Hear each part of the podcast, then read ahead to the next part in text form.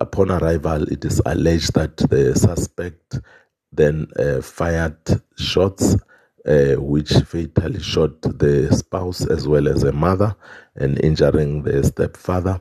It is uh, further alleged that after the incident, he took the VW Polo with the three minors and fled the scene. Fortunately, he was involved in an accident where the vehicle is said to have capsized